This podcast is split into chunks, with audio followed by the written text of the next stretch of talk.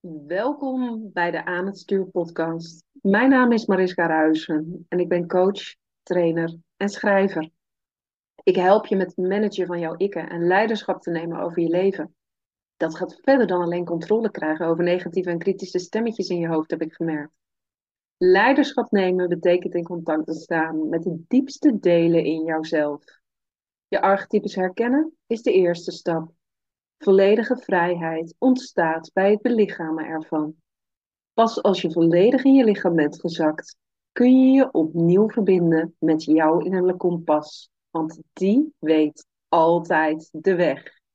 Ik wens je heel veel luisterplezier. Ja, en ook vandaag heb ik weer een mooie podcast voor je klaarstaan. Een interview. Deze keer niet met iemand die ik op de opleiding heb ontmoet, maar wel een zus ervan. Die ook zeker hele bijzondere dingen doet in co-creatie met het kwantumveld. Want ook zij haalt haar informatie uh, die ze nodig heeft uit haar rechter hersenhelft. Haar linker hersenhelft schakelt ze voornamelijk uit. Linda Vis is intuïtief dierentolk en zij kan met dieren spreken. Nou, voorafgaand aan het interview vertelde ze me: ik vind het eigenlijk niet zo bijzonder wat, iedereen, uh, wat ik doe, omdat iedereen dit kan. Um, maar wat ik me steeds meer realiseer, is dat er in het kwantumveld oneindig veel mogelijk is. Maar dat je vaak wel op een bepaalde frequentie bent ingetuned vanuit jezelf. Dat jij makkelijker op een bepaalde radiozender kunt afstemmen dan op een andere. Nou, voor Linda is dat het spreken met dieren. En laat je inspireren door haar hoe zij dat doet. En ook dat ze binnenkort trainingen gaat geven hoe jij dat ook kunt leren voor jouzelf. Welkom Linda. Oh. Dankjewel. Dankjewel. Superleuk om jou hier te hebben. Uh, in een reeks van mensen met wie ik in gesprek ga, met wie ik de opleiding kwantumhypnose heb gedaan, wijk jij een klein beetje af, want jij bent de zus van. Uh, en niet zozeer iemand die ik op de opleiding heb ontmoet, maar wel heel leuk uh, dat Nancy ons in ieder geval in contact heeft gebracht met elkaar. Um, ze zei ja, Weet je, Linda heeft uh, jouw podcast geluisterd over Alice in Wonderland. Uh, Linda heeft ook iets met Alice. En Linda doet hele bijzondere dingen, want ze is intuïtief uh, dierentolk. En um, ja, jullie zouden eens moeten kletsen met elkaar. En ik vind het alleen al heel erg leuk, omdat ik zelf um, in um, de eerste module die ik volgde van de kwantumhypnoseopleiding op een gegeven moment een quantum jump maakte. En uh, nou, toen kwam ik terecht, misschien dat ik het in een eerdere podcast al wel eens heb verteld. Toen kwam ik terecht in een, uh, in een soort van oerbos. En in dat bos kon ik communiceren met bomen, met uh, grasprietjes, met dieren. Ik, ik, ik verstond alles, ik begreep ook alles. En er werd zo aan mij getoond toen van, hey, dit gaat de volgende stap in jouw ontwikkeling zijn. En um, nou, ik weet nog dat ik toen dacht van, ja, maar ik hoef echt niet de volgende boomknuffelaar te worden. Want uh, laten we alsjeblieft een beetje normaal blijven doen. Um, en tegelijkertijd, ik kwam toen uit die kwantumhypnose en ik weet nog dat ik toen tegen Wilma, met wie ik de hypnose deed, heb gezegd, dit is wel bizar, want ik heb ook een card van Alice in Wonderland en eigenlijk al een half jaar lang, als ik readingen doe met dat card en ik vraag wat is de eerstvolgende logische stap, dan komt steeds de kaart naar voren, jij gaat communiceren met dieren en uh, met andere wezens om je heen. En ik legde natuurlijk al een half jaar lang die kaart iedere keer te zijde van ja, dag, je kan me nog meer vertellen. Dit gaat niet gebeuren. Uh, dit, ja, dit gaat gewoon echt niet zo zijn. En um, nou, toen werd dat dus in die kwantumhypnose aan mij onthuld. En toen was ik al wel heel nieuwsgierig van, hey, wat zou dat dan zijn? Nou, nu heb ik inmiddels een podcast uh, ook opgenomen. ik weet niet meer precies welke episode het is, maar dat gaat over tekens uit het universum. En wat ik merk is, uh, veel mensen zien bijvoorbeeld dubbele cijfers uh, als hey, synchroniciteit, dingen kloppen. Bij mij zijn er eigenlijk de afgelopen maanden constant vogels om me heen. En um, ook steeds op een manier dat ik ze niet kan negeren. Ehm, en dat als ik dan ga opzoeken van wat is de spirituele betekenis van zo'n vogel, dat het iedere keer spot on is. Um, ik heb het laatst zelfs een keer gehad. Um, toen was ik een training aan het volgen. Waarvan ik eigenlijk misschien op voorhand al wel wist van nou, het gaat tegenvallen na de kwantumhypnose die ik heb gedaan. Dit is misschien niet helemaal aansluitend op wat ik wil. Maar ja, tegen beter weten in toch gegaan. Drie dagen. En ik merkte dat ik de eerste dag al in de weerstand schoot. Want nee, het was inderdaad niet my cup of tea. Helemaal niet. En ik weet nog dat wij uh, in de lunchpauze gingen wandelen. En uh, ik doe de deur open en er landt een reiger voor me. Op het parkeerterrein. En die gaat echt tegenover me staan. Zo stokstijf als dat een reiger af en toe kan staan. En die kijkt me recht aan. En nou, dat heeft hij een seconde of vijf gedaan. En vervolgens vloog hij door. Ik heb later die dag heb ik tegen de trainster gezegd van joh, um, deze training is niet mijn cup of tea. En ik kan nog twee dagen blijven hangen, maar daar word jij niet gelukkig van. Word ik niet gelukkig van. Dus ik kies in deze voor mezelf. En dat was een hele grote stap, want dat hoor je niet te doen. Als je ergens aan begonnen bent, dan maak je het ook af. En vervolgens zocht ik dus s'avonds op van wat is de betekenis van een reiger. En een reiger staat dus voor het durven volgen van je intuïtie en daar ook rotsvast in blijven staan. Want ja, reigers die kunnen zo, zo heel erg um, uh, stokstijf blijven staan. En um, nou ja, het blijft maar doorgaan. Ook als ik lange autoritten voor de boeg heb, dan uh, op lantaarnpalen op de meest gekke plekken. Of het nou ooievaars zijn of aalscholvers. Maar ik zie er gewoon meer dan gemiddeld op mijn pad, zeg maar.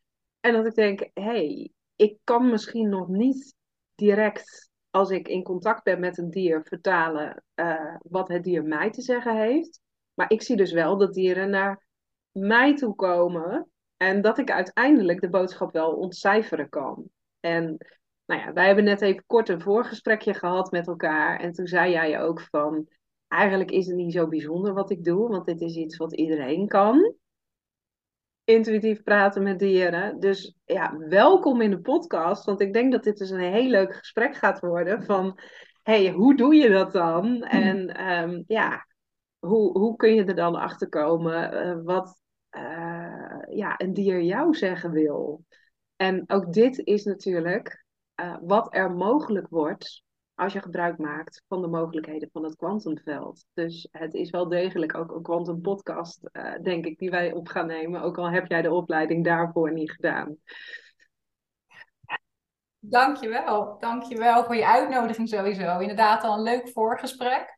Ja, ik vind het wel heel bijzonder wat je zegt over die reiger. En dat je zegt, Dat je soort van niet bewust um, contact hebt gehad. Maar dat heb je wel degelijk. Je hebt het zo goed beschreven. Je ziet de reiger. Je gaat terug naar binnen. Je spreekt je, je, hè, je intuïtie uit. Je volgt je intuïtie door te zeggen: Nou ja, ik ben nu niet op mijn plek hier. En je gaat naar huis. Dus je hebt wel degelijk hè, de boodschap ontvangen. En dat was misschien niet bewust in de vorm van dat je een stem in je hoofd uh, hebt gehoord. Maar ja, jij hebt intuïtief contact gehad met die reiger. En dat is precies wat het is. En het is ook voor iedereen anders hoe je intuïtief boodschappen kan ontvangen, sowieso. Het hoeft ook niet een stem te zijn in, in je hoofd. Weet je, het, kan, het kunnen beelden zijn, het kan een gevoel zijn, maar ook gewoon een weten. Soms dan, dan bevind je in een situatie en dan weet je iets. Ja, waar komt dat dan vandaan? Als jij bijvoorbeeld met een vrouw spreekt en je weet zij is zwanger, terwijl je dat bijvoorbeeld nog niet kan zien. Ja, dat is ja.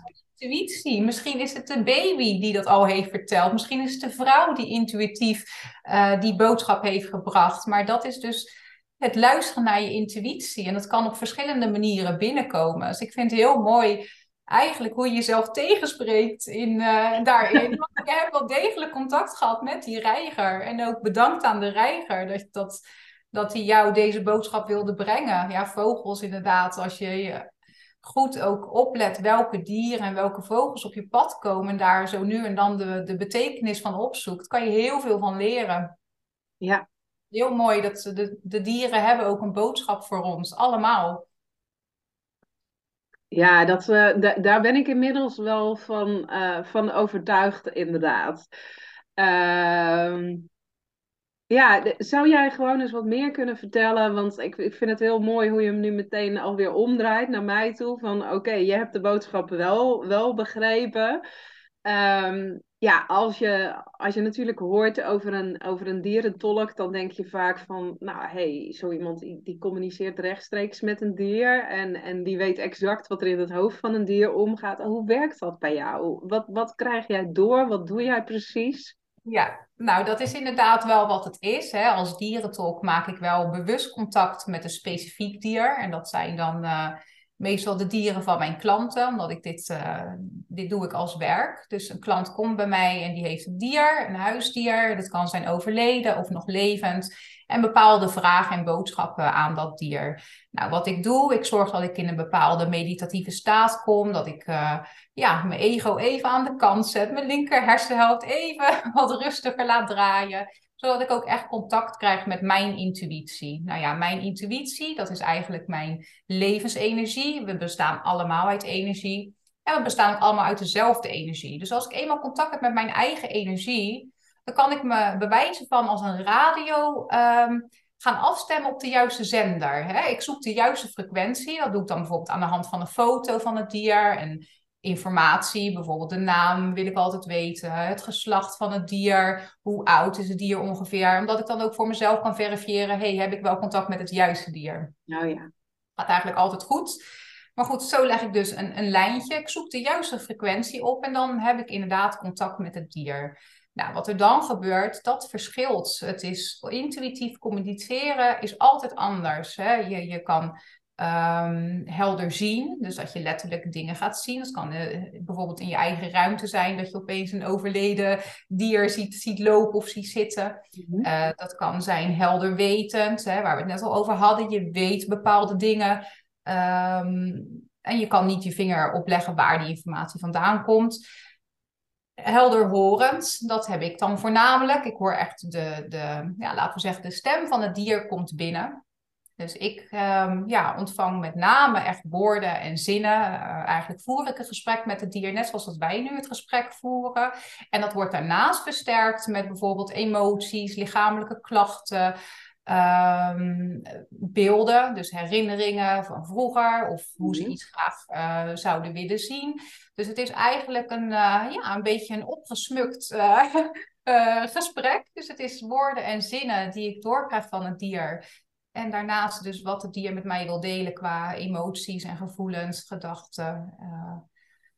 Dus het is een, uh, ja, vaak best wel een intensief uh, proces. Ik ben dan meestal rond anderhalf uur, twee uur met zo'n dier in gesprek. Ja, ja, ik doe dan ook aan intuïtief schrijven op dat moment. Dus ik, mm -hmm. ik zit achter de computer en alles wat binnenkomt bij mij, dat noteer ik direct. En dat doe ik voor de aanvragen van het consult. Want er gebeurt zoveel. En ik zit half in een trance of in een meditatieve mm -hmm. staat. Dus op het moment dat ik twee uur later klaar ben daarmee, ja, dan heb ik ook het hele gesprek niet helder meer. En ik vind ja. het belangrijk, want ik doe het niet voor mezelf, ik doe het voor het dier en voor de mensen die het aanvragen. Dus ik vind het heel belangrijk dat de exacte woorden die ik doorkrijg van het dier, dat die ook daadwerkelijk in het verslag komen zodat de aanvragen van het consult, ja, die moet daar iets uiteindelijk mee kunnen. Het gaat hier, uh, zoals ik al zei, het gaat hier niet om mij. Ik ben, ik ben echt slechts een, een doorgeefluik. Mm -hmm.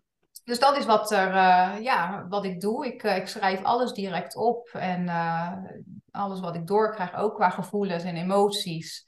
En soms maakt het voor mij niet eens, ik, eh, snap ik niet bijvoorbeeld waar iets over gaat, maar dat is dan ook niet belangrijk, want het gaat omdat de aanvrager uiteindelijk zegt, oh ja, maar wij weten precies waar dat over gaat. Ja. Oh ja.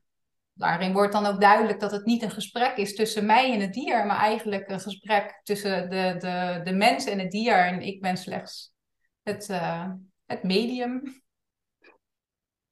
Ja, mooi, mooi. Hey, en jij zei.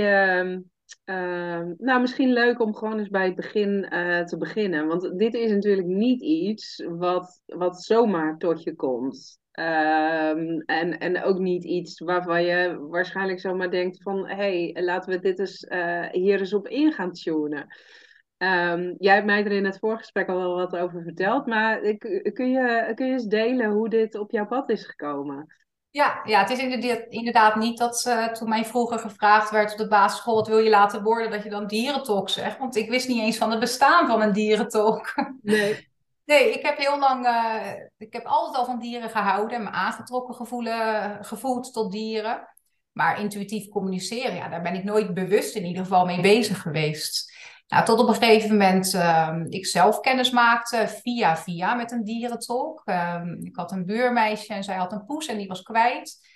En op een gegeven moment zei een vriendin van mij, waarom schakel je niet een dierentolk in? Ik wist niet eens wat het was. maar ik wilde er alles aan doen om dat buurmeisje te helpen om die poes te vinden. Dus op een gegeven moment uh, ja, is dat balletje dus gaan rollen. Is er dus contact gelegd door een dierentolk met die poes. Ja, en dat opende voor mij gewoon een hele wereld. Is dit mogelijk? Kunnen we op dat niveau communiceren met dieren? Kunnen we echt hè, het contact leggen op dat niveau? En nou ik ben er dus in, verder ingedoken. En eigenlijk is van daaruit een heel intensief proces van zelfontwikkeling en zelfreflectie ontstaan. Uh, waarin ik overtuigingen van mezelf aan de kant heb kunnen zetten of heb kunnen verwerken. Want dat is het. Hè, um, intuïtief communiceren is iets wat we allemaal kunnen. Dat zit van nature in ons. Maar het zijn vaak bepaalde belemmeringen of obstakels die je zelf opwerpt, uh, overtuigingen. Um, ja, waardoor je dus vergeet dat je intuïtief kan communiceren. Dus al mijn overtuigingen, zoals ik moet uit een spiritueel georiënteerde familie komen, of mhm. ik moet al vanaf jongs af aan uh, uh, geesten zien in mijn kamer of automatisch al, altijd al met vogeltjes hebben kunnen praten. Ja, dat was mijn idee bij een dierentop. Dat is iemand die dat al vanaf jongs af aan doet. En ik zag helemaal zo'n mooi Disney-achtig plaatje voor me hè, van een sneeuwwitje die met vogeltjes aan het praten is. Maar ja, zo is het niet. Het is een hele natuurlijke manier van communiceren. En je gebruikt gewoon een andere, andere taal dan de, dan de, ja, de taal die wij nu spreken. Hè? Ja. Dus ja, de, daar is voor mij een, een, een, uh, een proces begonnen van zelfontwikkeling. En uh, zo ben ik langzamerhand uh, ja, heel veel gaan oefenen, oefenen, oefenen. Want dat is het ook. Als je eenmaal. Kijk, jij zegt nu met die reiger bijvoorbeeld dat voorbeeld. Heel mooi, want het is tot jou gekomen. Je was misschien op dat moment nog niet helemaal bewust van dat het die reiger was. Hè? Pas toen jij mm -hmm. s'avonds ging lezen wat die reiger boodschap, toen viel bij jou het kwartje. Nou, ik denk dat het wel goed is om mee te geven als je wil leren om bewust intuïtief te communiceren, als dat jouw doel is, dan is het belangrijk om te weten dat je veel moet oefenen om het onderscheid te kunnen maken van waar komt mijn informatie vandaan.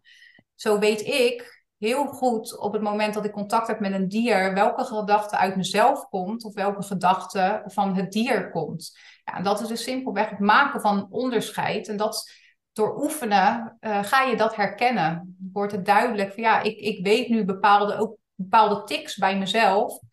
Als ik bijvoorbeeld opeens heel erg begin te gapen, dan weet ik, oh nu heb ik het, heb ik het contact. Hè? Want ik ga een soort oh van invoelen op het dier en dan voel ik al wat dingen van, hè, over het karakter. Dat schrijf ik dan ook allemaal op.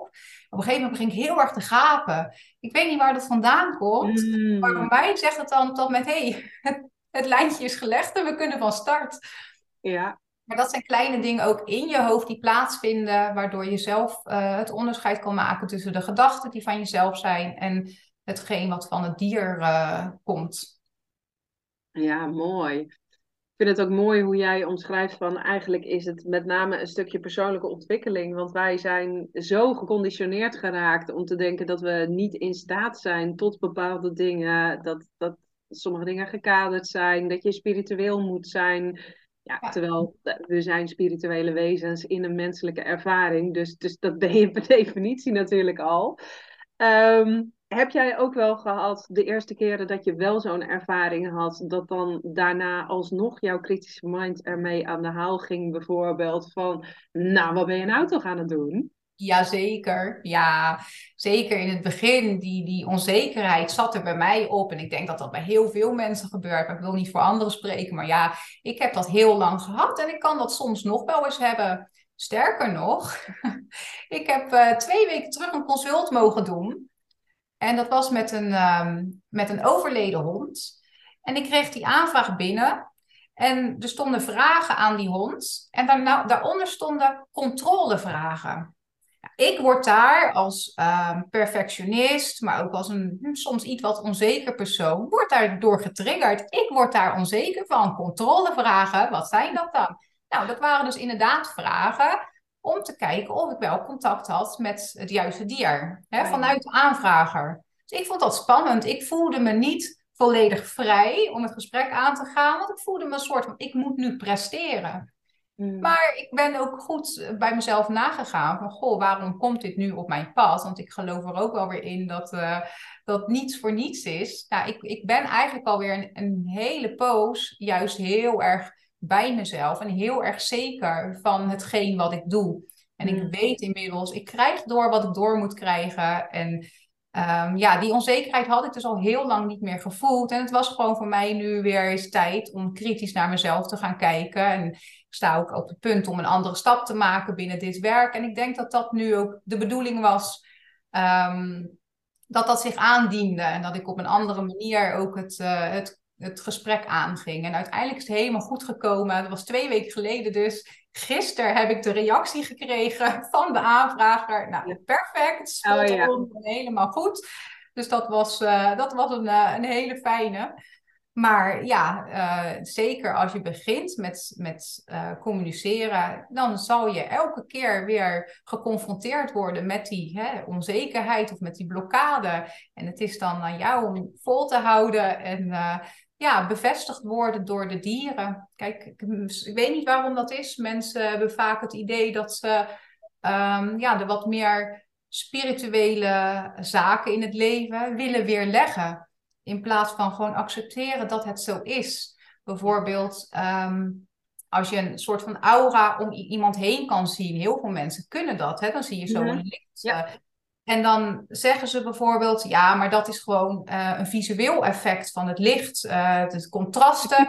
en dan zeg ik, kijk, maar als ik beweeg, dan zie je vaak zie je dat zo vloeiend meegaan. Maar kijk eens naar een schaduw. Een schaduw vloeit niet. Dat gaat gewoon zo mee. Dus dan, waarom moet mensen altijd op zoek gaan naar een, een tegenbewering? Waarom het niet zo kan zijn? En, en ja, dat is dus tijdens het communiceren met dieren ook, zeker in het begin hou vast aan wat je weet en wat je voelt en wat je ervaart. En dat is belangrijk. En als dan zo'n kritische vraag om de hoek komt kijken, ja, bereid je jezelf ook voor op het antwoord. Hè? Het, het, het is zo, het voelt zo. En dat is natuurlijk ook hoe je gewoon je eigen gevoel, je, je eigen verbinding met je intuïtie steeds sterker maakt. Ja. ja, dat is mooi wat jij zegt. Want ik denk dat dit komt, nou ja, je hoort het al, ik denk Ehm, zo zijn we opgevoed, hè? Denken hoort voor ons voelen te gaan. En, en dat, ja, we zijn nu denk ik aan het toebewegen naar een tijd waarin we veel meer mogen gaan voelen. Waardoor we dus gaan ontdekken waartoe we allemaal in staat zijn op het moment dat we die linker hersenhelft uitschakelen en veel meer met die rechter hersenhelft gaan doen en informatie uit het veld gaan plukken, waar dus ook die energie van die dieren zit, waardoor je ermee kunt communiceren. Maar zolang je jezelf nog niet 100% kunt toestaan, um, dat daar waardevollere informatie zit dan welke kennis je dan ook in je hoofd hebt opgeslagen. Volgens mij blijf je dan met jezelf in gevecht dit weekend zelf ook weer een situatie meegemaakt. Ik denk, oh ja, ja, daar was mijn kritische mind ook weer die er over, uh, overheen ging. We hadden afgesproken met een aantal uh, mensen voor een oliebollenparty uh, van de kwantumopleiding. Was één iemand die, die ging oliebollen bakken en die zei, nou, het lijkt mij heel erg leuk om een kwantum oliebollenparty te doen. En um, ja, dan gaan de gesprekken natuurlijk sowieso al een andere kant op. Omdat je weet dat je met gelijkgestemde mensen bent en je niet alles hoeft te beredeneren. En, en daar was één man bij, en ik zal er niet te veel in detail op ingaan, want het is, het is zijn verhaal. Maar hij gaf in ieder geval aan dat hij op een plek woonde waar hij het idee had dat er ook wel um, ja, entiteiten steeds aan het terugkeren waren. Uh, in, eigenlijk als hij entiteiten verwijderd had, dus energieën die niet bij hem pasten, dat hij dan daarbij hem thuis min of meer op aangevallen uh, werd zelfs. En um, nou, de manier waarop hij dat beschreef, het was ook echt wel duidelijk dat hij ergens last van had. Dus wij gingen een beetje filosoferen van wat zou er aan de hand kunnen zijn. En op een gegeven moment hoor ik iets uit mijn mond komen. Het was ook echt, ik had er niet de controle over, maar ik gooide het er gewoon helemaal uit. Ik zeg, oh, maar jij woont daar en daar. Ik zeg, dat is bij een van de oudste heksenverbrandingsplaatsen ter wereld. Zeg, dan snap ik dat er heel veel razernij af en toe nog in jouw huis aanwezig is. Want de wijze, heilige vrouwen, um, ja, die zijn op een hele nare manier aan hun einde gebracht. Dus er zit en heel veel wijsheid op de plekken waar jij woont, maar er is ook nog wel wat woede en onbegrip. Dus er is wel wat met de energie aan de hand. En ik zei het. En als jij het dan hebt over soms weet je gewoon wanneer het klopt. Nou, het was alsof ze tien emmers koud water over me heen kieperden. Ik stond echt helemaal te trillen van wow, wat gebeurt hier? Dit, dit komt niet uit mijzelf, dit komt uit een ander vaatje. En het was zo'n pure, zo'n zuivere ervaring. En toch had ik het nodig toen ik s'avonds naar huis reed, om dan bij vriendinnen te gaan inspreken. Nou ja, er is net zoiets bizars gebeurd. Dit geloof je gewoon niet. En het mooie was dus dat die vriendinnen gingen reageren met: Ja, Maris, weet je, ehm, met het pad wat jij bent opgegaan, is het alleen maar logisch dat dit soort situaties zich meer zullen voordoen. Dus wees blij dat dit gebeurt en dat je weer een stapje op je ontdekkingsreis bent. Ga het nou niet plat slaan door dan zo dwars te doen. Dit geloof je niet en hoezo dan? En eh, je moet het berichtje eens terugluisteren hoe erg jouw kritische mind dus weer aanstaat. En ja, dat, dat is er zo ingeslagen op de een of andere manier. Van, ja. Dat is het ook. Maar wel mooi dat jij dan de vriendinnen hebt die jou daarop wijzen. Van goh, hè, sla dat niet gelijk plat. En wat mooi dat zij jou stimuleren om daar gewoon. Weet je, want het is ook geen ramp als dat gebeurt. En het is ook heel normaal, want we zijn zo inderdaad geconditioneerd. En op dat moment al, al heb je door dat je op die manier bezig bent. Oké, herken het. En dan is het ook gelijk weer over. En dan kan je ook gelijk weer terug in die flow. En laat maar doorkomen wat er door wil komen ja, fijn dat je daar vriendinnen hebt die je, daar, uh, die je daarop wijzen.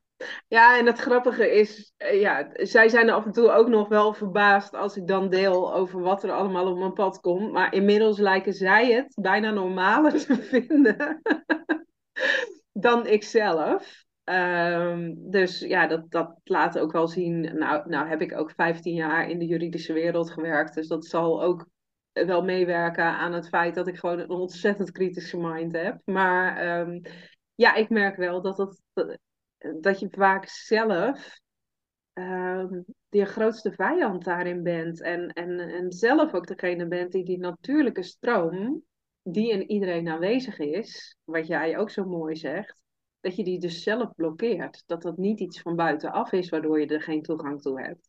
Nee.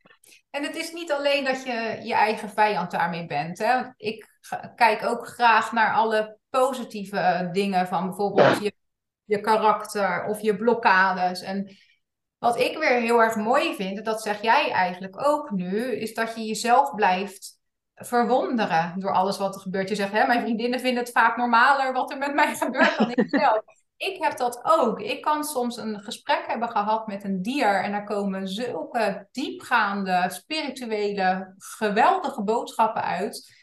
Dat ik ja, ophang. Het is net alsof ik aan de telefoon zit, maar dat ik als ik het lijntje verbreek, dat ik echt gewoon vol verbazing. Wow, dat ik gewoon in mijn eentje hier zit eh, achter de computer. Wow, wat is er zojuist gebeurd? En, en dat vind ik heel mooi. En dat is ook wel het, het positieve deel van het kritische. Weet je?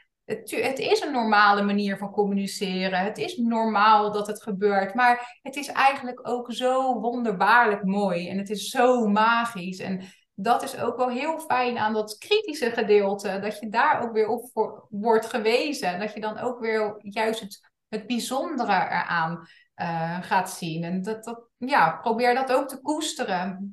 Ik doe dat in ieder geval wel. Ik probeer ook te koesteren dat ik nog steeds inzie van... Goh, ik ben mijn droom gaan volgen. En deze wereld van dierencommunicatie... waar ik als kind nog nooit weet van had. Dat ik dit nu heb mogen ontdekken en nu zit ik er middenin. Weet je, ook toen ik net begon met het leren om te communiceren met dieren. Ik had nooit durven dromen dat ik hier zou uh, zijn waar ik nu ben vandaag de dag. Dat ik zo makkelijk eigenlijk dat contact kan leggen. Dat ik diepgaande gesprekken heb. Vol zekerheid, vol vertrouwen. Ja, dat, ik, dat is echt magisch mooi. Het heeft mijn leven in zoveel opzichten verbeterd. Ik word daar gewoon heel blij van. ja, voor de mensen die de, die de YouTube-aflevering kijken, het is ook inderdaad heel erg zichtbaar, inderdaad. Hoe blij je ervan wordt.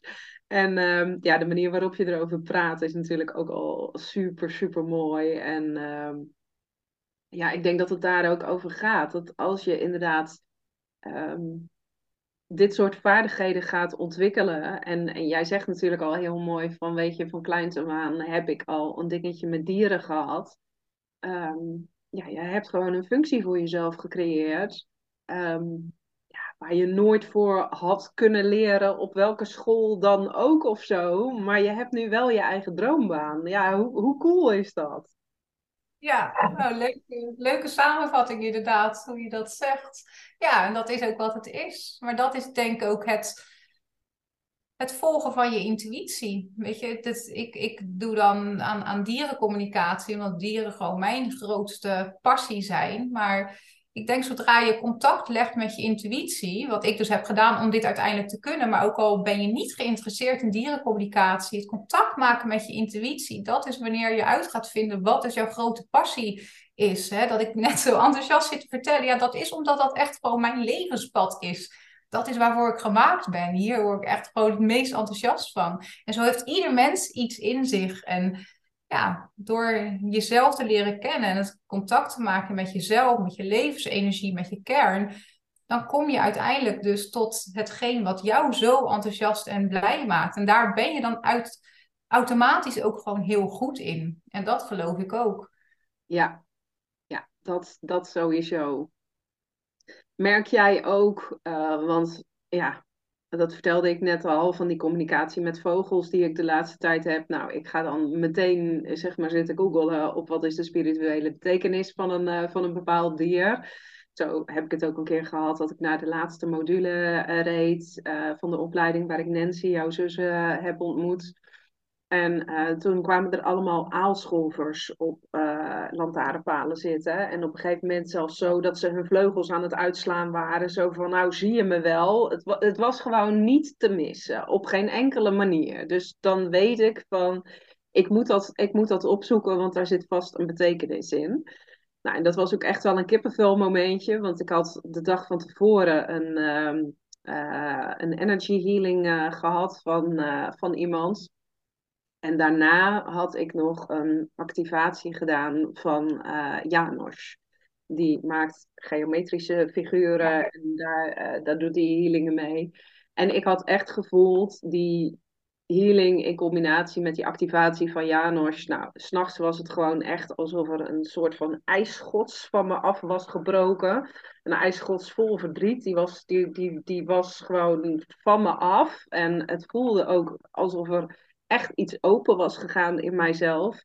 Nou, vervolgens reed ik zondags naar de opleiding toe en zag ik al die aalscholvers. Dus ik dacht al, nou, zodra ik straks geparkeerd heb, dan wil ik even weten hoe of wat. Ik was ondertussen was ik een berichtje aan het inspreken naar die vrouw van wie ik die energy healing had gehad. Omdat ik ook wel dacht van nou, er is vannacht zoveel gebeurd. Uh, klopt dit allemaal wel? En heb ik nu niet te veel gedaan? En een activatie en een healing, uh, kan ik me überhaupt nog openstellen voor de opleiding, weet je wel? Dus ik had een voiceberichtje naar haar gedaan. En uh, uh, ik parkeerde de auto bij um, Woudschoten. En ik hoorde eerst het uh, berichtje van, uh, van die vrouw. Dat ze zei, nou joh, even los van of het goed is of niet. Jij hebt intuïtief gevoeld dat je dit nodig had. Um, en dan kan het nooit verkeerd zijn. Maar ik ga even doorgeven wat ik nu bij jou voel. Want op de een of andere manier komt het bij mij door Um, en ik had haar dus helemaal niet verteld over die ervaring die ik s'nachts had gehad. Um, dat jij een enorme spirituele ontwakening hebt gehad. En uh, dat je de vier dagen die jij nu ingaat, dat die extreem transformerend voor jou zullen zijn. Want het pad ligt helemaal open. Vervolgens zoek ik op wat een aalscholver te betekenen heeft. En die staat dus voor uh, een grote opening in jouw spiritueel bewustzijn. Letterlijk. Dus nou, ik zat echt met kippenvel overal in die auto. Van nou, wat, wat is dit? Hoe kan dit?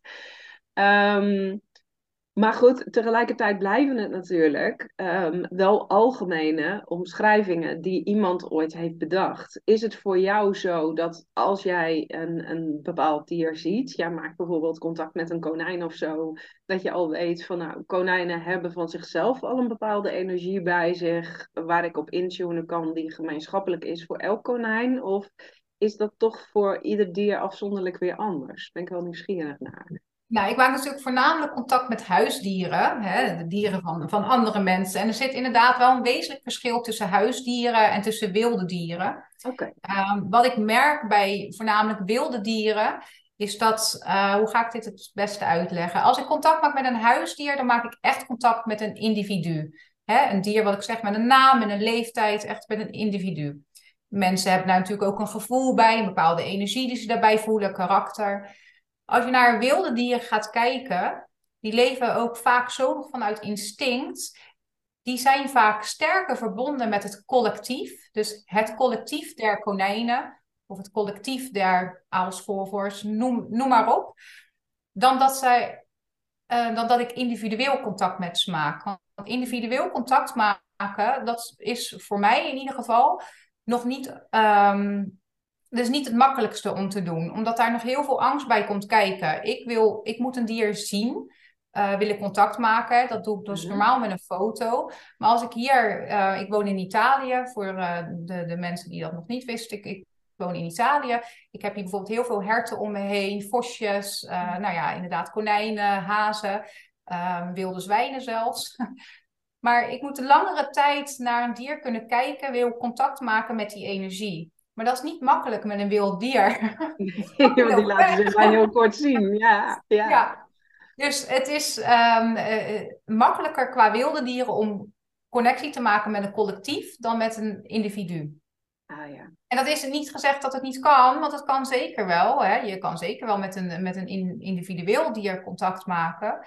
Maar dat is, uh, zij zijn meer gedreven vanuit het collectief. En ik denk bijvoorbeeld bij vogels dat dat mooi, uh, een mooi voorbeeld is. Als je natuurlijk die hele zwermen met vogels ziet gaan.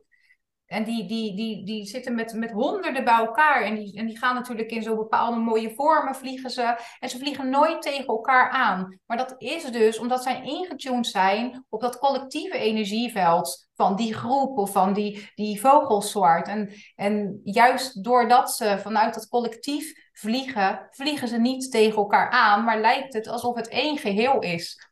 En dat is net zoals met, met scholen vissen bijvoorbeeld. Ja, dat is ook één organisch geheel, inderdaad. Ja. ja. Prachtig te zien bovendien. ja, zeker, zeker. Heb jij ergens nog een, een lievelingsdier waar jij het liefst contact mee legt? Dat je zegt van hé, hey, dat gaat net wat makkelijker of zo? Of zit daar geen verschil in? Nee, nee. Ik moet zeggen dat ik uh, eigenlijk, ja, alle dieren hebben wel een, uh, hun eigen dingetjes. Het is natuurlijk wat ik zeg, ik maak echt contact met de individuele dieren. Dus het is gewoon alsof ik met een mens praat. Dus het is ook altijd de vraag wat eruit komt. Wat misschien wel leuk is voor jou om te weten over Alice in Wonderland en over konijnen. Het is voor mij wel heel opvallend dat konijnen hebben echt een ontzettend aanwezig karakter. En dat vind ik wel heel leuk, omdat je dat niet per se ziet. Ik denk mensen die wel hè, konijnen houden en die bekend zijn met konijnen, die mhm. weten dat waarschijnlijk wel vanuit het gedrag. Maar ik denk over het algemeen dat dat niet op die manier gezien wordt. Konijnen zijn vaak hè, lief, fluffy, simpel. Hè? Ze zitten een beetje te zitten, een beetje te eten.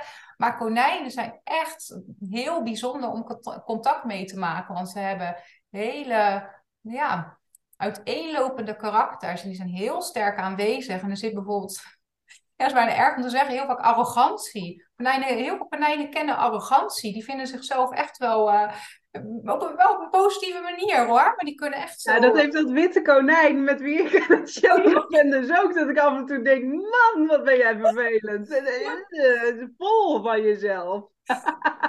Nou ja, dat is dus vooral bij rammelaars, bij mannetjes, merk ik dat ook. Die arrogantie, ze zijn vol van zichzelf. Ze vinden zichzelf vaak echt geweldig.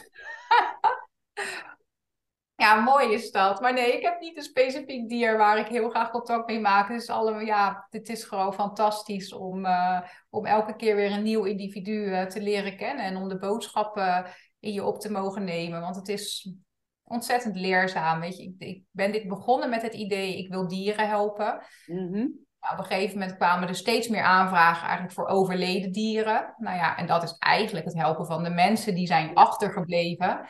Hè, het dier zelf is uh, na het overlijden komen ze in zo'n mooie staat terecht. Die hoef ik niet meer te helpen. Dus het begon met het helpen van dieren. Uiteindelijk ben ik erachter gekomen, vaak is het ook het helpen van de mensen. Maar ja, een hele mooie bijkomstigheid is toch wel uh, dat ik zelf ontzettend veel ervan leer. Die dieren kennen zoveel wijsheid en ze zijn zo in het hier en nu aanwezig. En ja, waar we het eerder over hadden, dat, dat, dat, dat ego-gedreven, uh, hoe mensen kunnen zijn, ja, dat hebben dieren, behalve konijnen, nee hoor. dat hebben dieren niet zo. En die zijn nog zo puur aanwezig. En, en vooral ook in het hier en nu. En dat vind ik een hele mooie les die ik wel steeds vaker meekrijg van dieren mensen zijn altijd bezig met, met de toekomst. Ja, wat nou als me, mijn kat heel ziek wordt? Wil ze dan dat ik help met in laten slapen? Ja, de meeste katten antwoorden, of honden, wat het dan ook is. Ja, maar daar kan ik nu toch niet mee bezig zijn? Ik ben nu niet heel ziek. Dus hoe kan ik nu beslissen wat er straks gaat gebeuren? Of andersom, ik heb zelf dus een Labrador gered uit een nogal uh, lastige situatie. Verder uh, wil ik daar niet te diep op ingaan, maar die, die, die leefde geen fijn leven. En die leeft dus nu bij mij. En ja, ik denk daaraan terug hoe die situatie was. Nou, dan kan ik huilen. Ik kan dan zo verdrietig worden als ik nadenk hoe die Labrador daar zat. En die was verwaarloosd en er kwam niemand meer naar hem omkijken. Ja, ik word daar echt heel erg verdrietig van. Maar die Labrador, die zegt tegen mij: hoe kan... Ten eerste, het is jou niet eens overkomen, het is mij overkomen. En het is niet allemaal in het verleden. Nou, het echt, dat is echt ook een, een, een perfect voorbeeld van hoe dieren kunnen zijn in het hier en nu leven. En ik moet zeggen dat, dat mijn Labrador Jada, die, is, ja, die spant de kroon. Want die leeft echt letterlijk in het hier en nu. Die kan bij een dierenarts zijn en die dierenarts kan haar soort van pijn doen als er iets moet gebeuren met de oren. Maar zodra die pijn weg is, nou, dan kijkt ze alweer verliefd naar de dierenarts kwispelen. Van, oh, krijg ik knuffels van jou? Ik hou van je. Weet je? Dat is dus ook eh, ja, het hier en nu. Dat dieren leven in het hier en nu. Meer dan de mens. Wat mooi. Terwijl jij ook in ons voorgesprek zei, en ik heb dat zelf in het verleden ook al meegemaakt met een, uh, met een kater die ik, uh, die ik heb gehad. Die, um, ja, die heb ik uit het asiel gehaald. En ze wisten niet precies hoe oud hij was. Maar ze wisten wel dat ze hem uit een uh, vuilcontainer hadden gehaald. Waar hij in gedumpt was. Uh, dus die had ook duidelijk geen leuk leven gehad.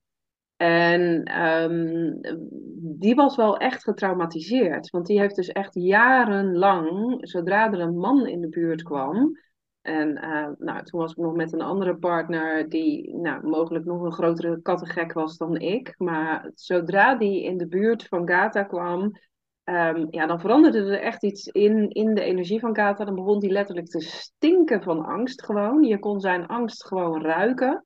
En dan was het ook alsof er een knop in hem omging. En dan werd hij zo extreem agressief. We hebben echt de eerste anderhalf jaar getwijfeld van, joh, moet hij niet terug? En, en ik had zoiets van, dat is me eer te na, dat wil ik echt niet. Maar hij was echt gevaarlijk als hij met een man alleen was. Omdat er kennelijk zulke verschrikkelijke dingen met hem waren gebeurd. En uiteindelijk is dat dus gelukkig helemaal gedraaid met heel veel liefde en heel veel aandacht. En nou ja, wij hebben sowieso altijd een hele sterke band gehad. En op het moment um, ja, dat ik uit elkaar ging met mijn ex-vriend, die hem nooit iets heeft gedaan, want die echt het allerbeste met hem voor had. Toen kwam hij ook meer tot rust. Um, maar hoe zie je dat dan? Want sommige dieren zijn dus wel degelijk getraumatiseerd, waardoor dat hier en nu ook niet echt lijkt te bestaan. Ja, zeker. Ja, het is, dit, dat is dus het verhaal van het individu. Er zijn heel veel dieren die inderdaad een slecht verleden hebben gehad, die dat met zich meedragen. En dat kan zijn dat het echt in herinnering is, dat ze angsten creëren, hè, dat, voordat het zich gaat herhalen. Maar het kan ook energetisch zijn, dat het tijdens bijvoorbeeld de, de eerste levensfase, uh, als dat niet goed verloopt, hè, het geboren worden, de, de eerste tijd bij de, bij de moeder, als, als kitten mm. of als pup bijvoorbeeld, als je het over honden en katten hebt. Als dat niet goed verloopt, als te vroeg daarbij worden weggehaald, als er veel angst is vanuit de moeder al, vanuit de, de, de, draagtijd van de moeder, dat kan er energetisch ook in het dier gaan zitten. Dus zeker, want hè, ik, ik geef net het, voordeel, uh, het voorbeeld van, van de Labrador Giada. 100% hier en nu. Ik heb ook nog een Spaans hondje, Chica. Nou, daar, uh, daar is nog wel wat werk uh, aan de winkel. Ja, die heeft dus ook nare dingen meegemaakt. En die, uh, die is nu vier jaar, um, vier en een half jaar bij ons. Ja, en dat, ik heb ook het idee dat dat nooit 100% gaat helen. Tuurlijk, ik doe mijn best en het gaat al heel veel, vele malen beter.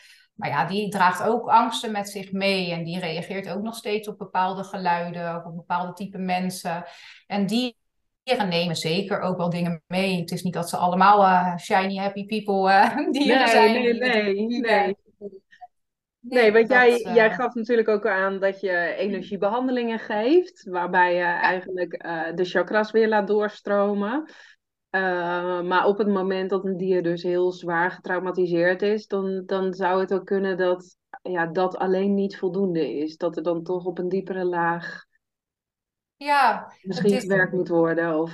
Ja, het is maar net wat zich aandient op dat moment. Kijk, inderdaad, ik doe twee dingen. Een consult, dat is dus echt het gesprek met een dier, en een energiebehandeling. En dat is mhm. eigenlijk zonder praten, maar dan ga ik aan de slag met het energetisch lichaam. Uh, maar ik moet zeggen dat daar de laatste tijd ook steeds meer gesprekken ontstaan. Uh, dat komt automatisch, hè? er komen dingen door. Dus ook daar ontstaan wel kleine gesprekjes. Maar om mij even aan te geven, als iemand een consult aanvraagt, dan kan je echt je vragen stellen van ben je gelukkig hier, wat kan ik voor je doen? Maar energetisch, dan is het meer echt gericht op wat we in het lichaam tegenkomen.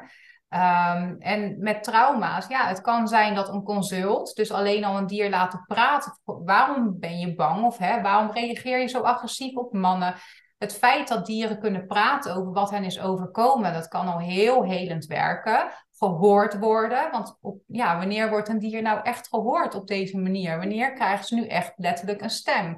Dus dat kan al heel veel, uh, ja, heel veel effect hebben. Daarnaast dus inderdaad een energiebehandeling, omdat Um, als het dus een oorsprong vindt in de energie, in bijvoorbeeld een chakra wat is geblokkeerd, um, of ook als het niet de oorsprong daar vindt, maar je kan ervoor zorgen dat het energetische dier, het energetische huishouden weer helemaal soepel loopt, dan is het ook veel makkelijker om met emoties om te gaan of met angst om te gaan. Dan stroomt dat lekker daardoor, hè? letterlijk stroomt Ja, dat is bij mensen natuurlijk ook zo, ja. Ja, dat is niet anders bij dieren. Dus op die manier kan je zeker trauma's verwerken bij dieren door zijn stem te geven, door energetisch te gaan kijken, maar ook vooral door te vragen aan het dier: wat denk jij zelf nodig te hebben? Mm, mooi. mooi. Veel vragen, ja, veel, voornamelijk veel vragen. Ja, ja, en daarbij ook dus weer aansluiten op het zelfhelende en het zelfoplossende en, en alwetende vermogen eigenlijk van het dier. Net zoals dat een mens op een gegeven moment ook heel diep van binnen wel weet wat hij nodig heeft. Juist, ja. ja. En dieren die weten dat vaak ook, dat zij dat weten. Dieren zijn zich daar wel bewust van. Maar het is zo ehm, lastig voor een dier om zich soms kenbaar te maken naar mensen. Je moet je eens voorstellen, een dier is net zoals wij zijn. Die heeft een mening, die heeft een visie, die heeft een eigen mm. karakter. Maar een dier kan niet communiceren in onze mensentaal. Een dier kan zich heel erg opgesloten voelen, niet begrepen voelen. En ze doen vaak er ontzettend veel aan om gehoord te worden. En dat is vaak ook een, uh, um, het geval met uh, probleemgedrag mensen die probleemgedrag zien bij dieren, iets waar ze niet blij van worden, waar ze echt door getriggerd worden, ja, heel vaak zit daar een reden achter dat het dier simpelweg iets wil duidelijk maken. En dat oh, nou dan heb, dan, dan heb ik er nog wel een. Kruimel die om de havenklap gewoon naast de bak piest in plaats van erin. En drink jij zelf genoeg water? Ja, Ja, daar zit, eh, daar zit sowieso geen probleem. Nee, het is bij haar. Ja, ik heb wel eens gedacht van, nou ja, goed, weet je, ik heb misschien de bakken niet snel genoeg schoongemaakt, dus dan snap ik het nog. Maar ze durft het ook te doen als ze brandschoon zijn. En ze durft het zelfs te doen als ik erop sta te kijken. Dan loopt ze de kattenbak in, dan zet ze er gat op de rand en dan zo. pssst. Ja, echt. Streng dat ze is. Ja, nou, jij wordt nu echt heel erg getriggerd. Dus ja, Ja, ik word, ik word hier verschrikkelijk getriggerd van. Want ik vind dat zo vies als ik het iedere Ja. keer kan opruimen. En nou, ze weet ook, ze doet het niet op plekken, zeg maar, in huis of zo. En er ligt ook overal eh, nog extra zuil om de kattenbakken heen. Ze zorgt altijd dat ze niet buiten het zuil plast.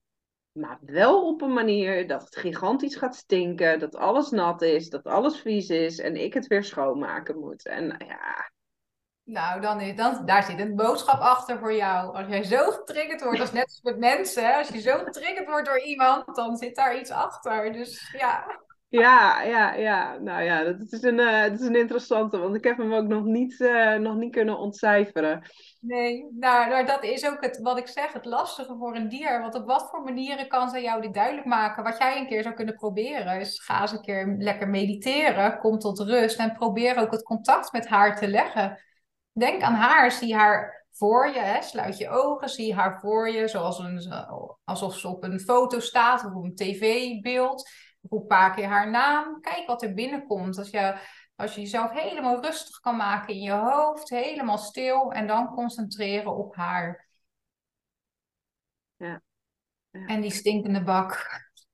En die stinkende bak. Ja, ja, ja. Nou ja, kijk, op sommige momenten dan kan ik er zo de vinger op leggen. Want op het moment dat ik een paar dagen weg ben bijvoorbeeld, ja, dan weet ik dat zijn broertje dood aan heeft. En dan is er wel altijd natuurlijk ook oppas. Maar ja, dan, dan, dan, dan kan ik donder op zeggen dat er dan naast de bak is gepiest. Maar dat, dat is zo obvious. Ja, Ehm, maar dat ze het bijvoorbeeld s'nachts doet, als ze de avond van tevoren nog een schone bak heeft gekregen. En je wordt dan 's ochtends wakker en je, ja, je komt de slaapkamer nog maar uit en je staat weer half in de kattenzeik. Ja, daar, oh man, een slechte begin van de dag kan ik niet hebben, zeg maar.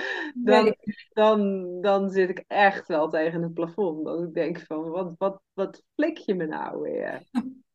ja, dat is het mooie. En dieren brengen boodschappen, maar het hoeft niet altijd eh, even mooi te zijn. Of de manier waarop Nee. altijd even mooi te zijn. Nee, zeker niet. Zeker niet. Nou, ik weet ook nog wel bij een van mijn eerste katten, Rea. Ja, dat kon je ook gewoon uittekenen. Ehm, als zij geen aandacht kreeg, als ik net even te veel in mijn werk verdiept was of iets, terwijl zij aandacht wilde, ja, dan liep ze langs en die kon dus echt op commando kon ze gigantische stinkscheten produceren. Dat was gewoon bijna hilarisch. En dan kwam ze langslopen alsof ze even een, een kopje kwam halen. En dan, en dan, dan zak je in een meur. Ik dacht, oké, ja, boodschap duidelijk. Volgens mij had ik gewoon even bij mijn laptop weg moeten gaan. En gewoon eventjes met die kat moeten gaan zitten. Ehm, maar zodra het wat meer cryptische boodschappen worden, ja, dan, dan wordt het toch lastig. Nou, ik vind het wel heel inventief dit. Fantastisch.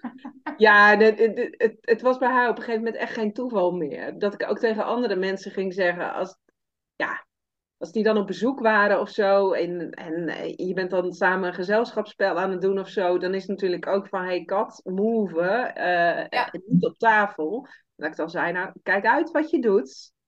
Je kunt beter nu gewoon eventjes er een paar minuten aandacht geven, even knuffelen, want deze krijg je terug. Ja, hoe dan? En dan nog geen vijf minuten later, jezus, waar komt die stank vandaan? Oh, heerlijk. Nou ja, ik vind dat wel duidelijke communicatie. Dat, dat was duidelijke communicatie, ja. Ja, dat je ook echt, daar krijg je zelf niet eens eens voor elkaar om op commando te gaan stinken. Dat is geen intuïtieve communicatie, maar instinctieve communicatie. Ja, mijn naam stinkt. Juist. Ja, nee, ik ga, er, eh, ik ga ermee aan de slag.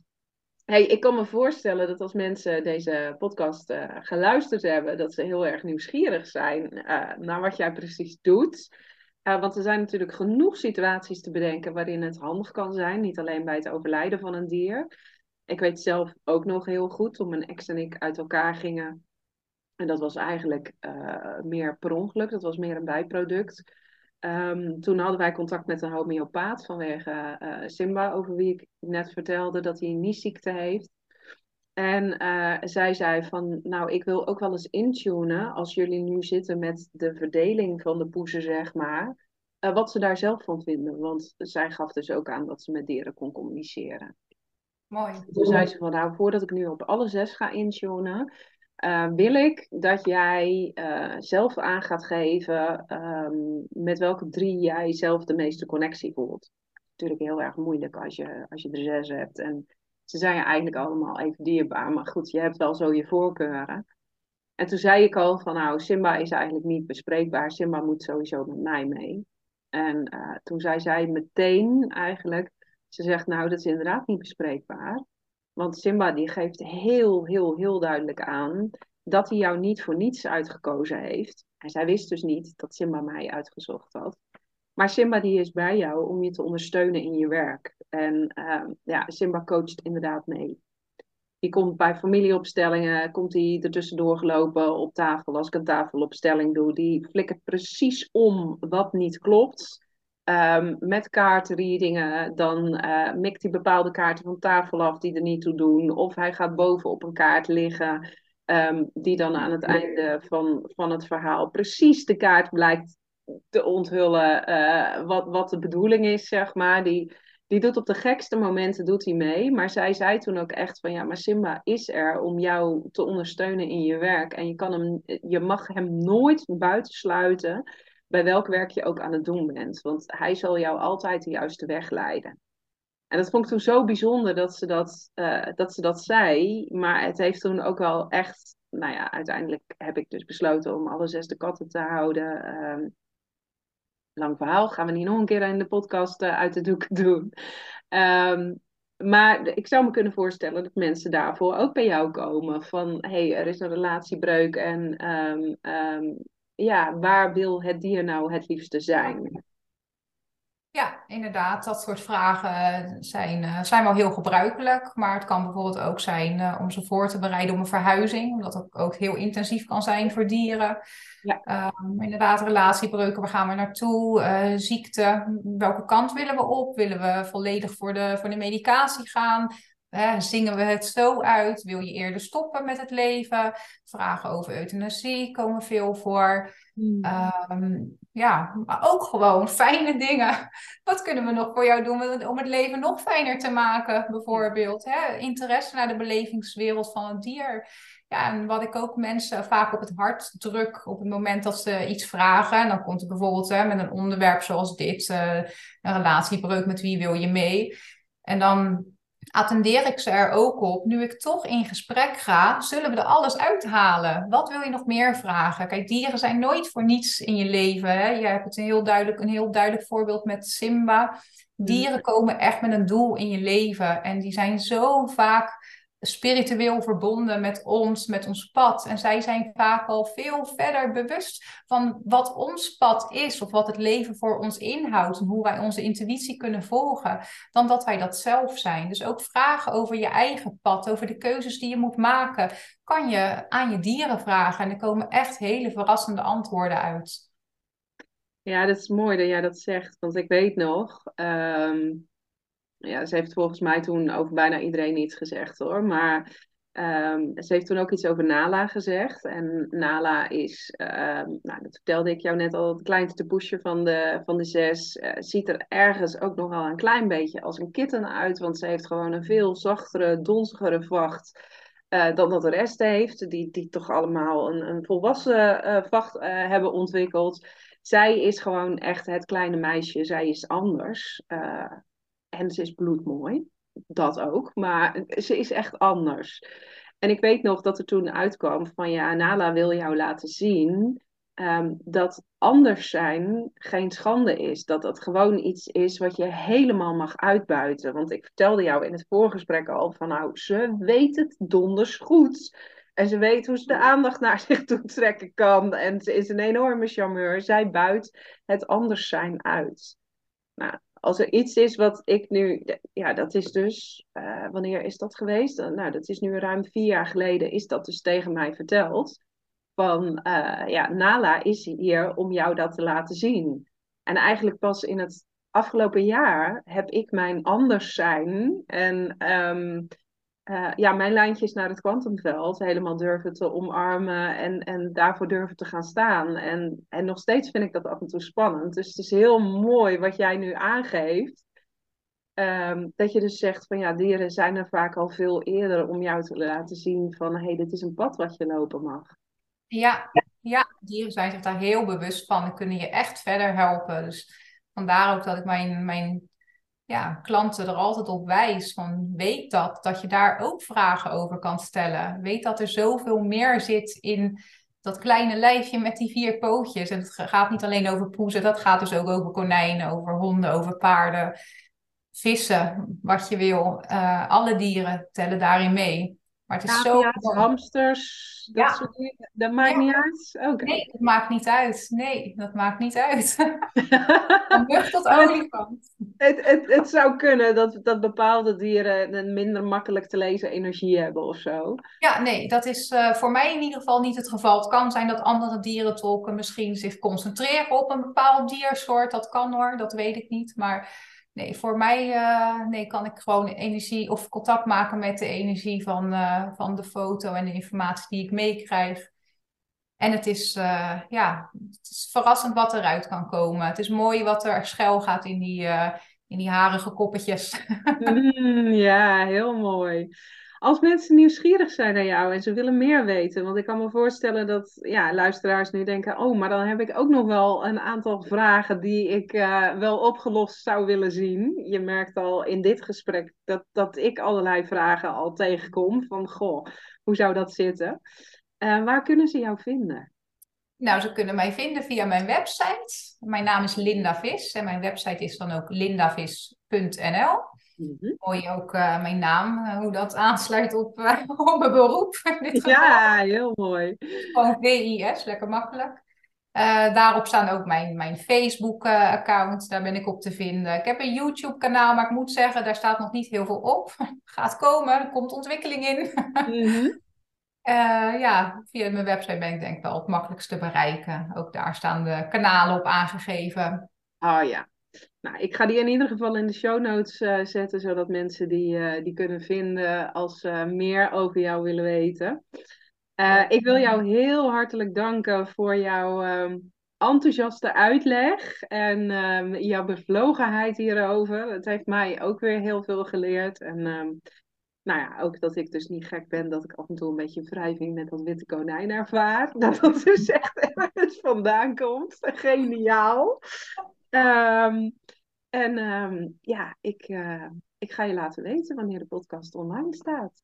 Leuk. Jij ook hartstikke bedankt. Ontzettend leuk om hierover te, te praten met je. En ook jouw enthousiasme en je interesse. Top. Leuk. Ja, en dank je wel dat je weer hebt geluisterd naar deze episode van de Aan het Stuur podcast. En zoals altijd wil ik je vragen om je te abonneren op het YouTube-kanaal. Als je meer van dit wil zien. Um, niet al mijn podcasts worden op YouTube geplaatst. Uh, wellicht dat dat nog gaat veranderen de komende tijd. Dus um, als je niks wilt missen, abonneer je dan in ieder geval ook op uh, Spotify, de Aan het Stuur podcast. En als je een review achter zou willen laten, zodat meer mensen de podcast kunnen vinden, dan vind ik dat alleen maar super, super tof. Dankjewel voor het luisteren en heel graag tot een volgende keer.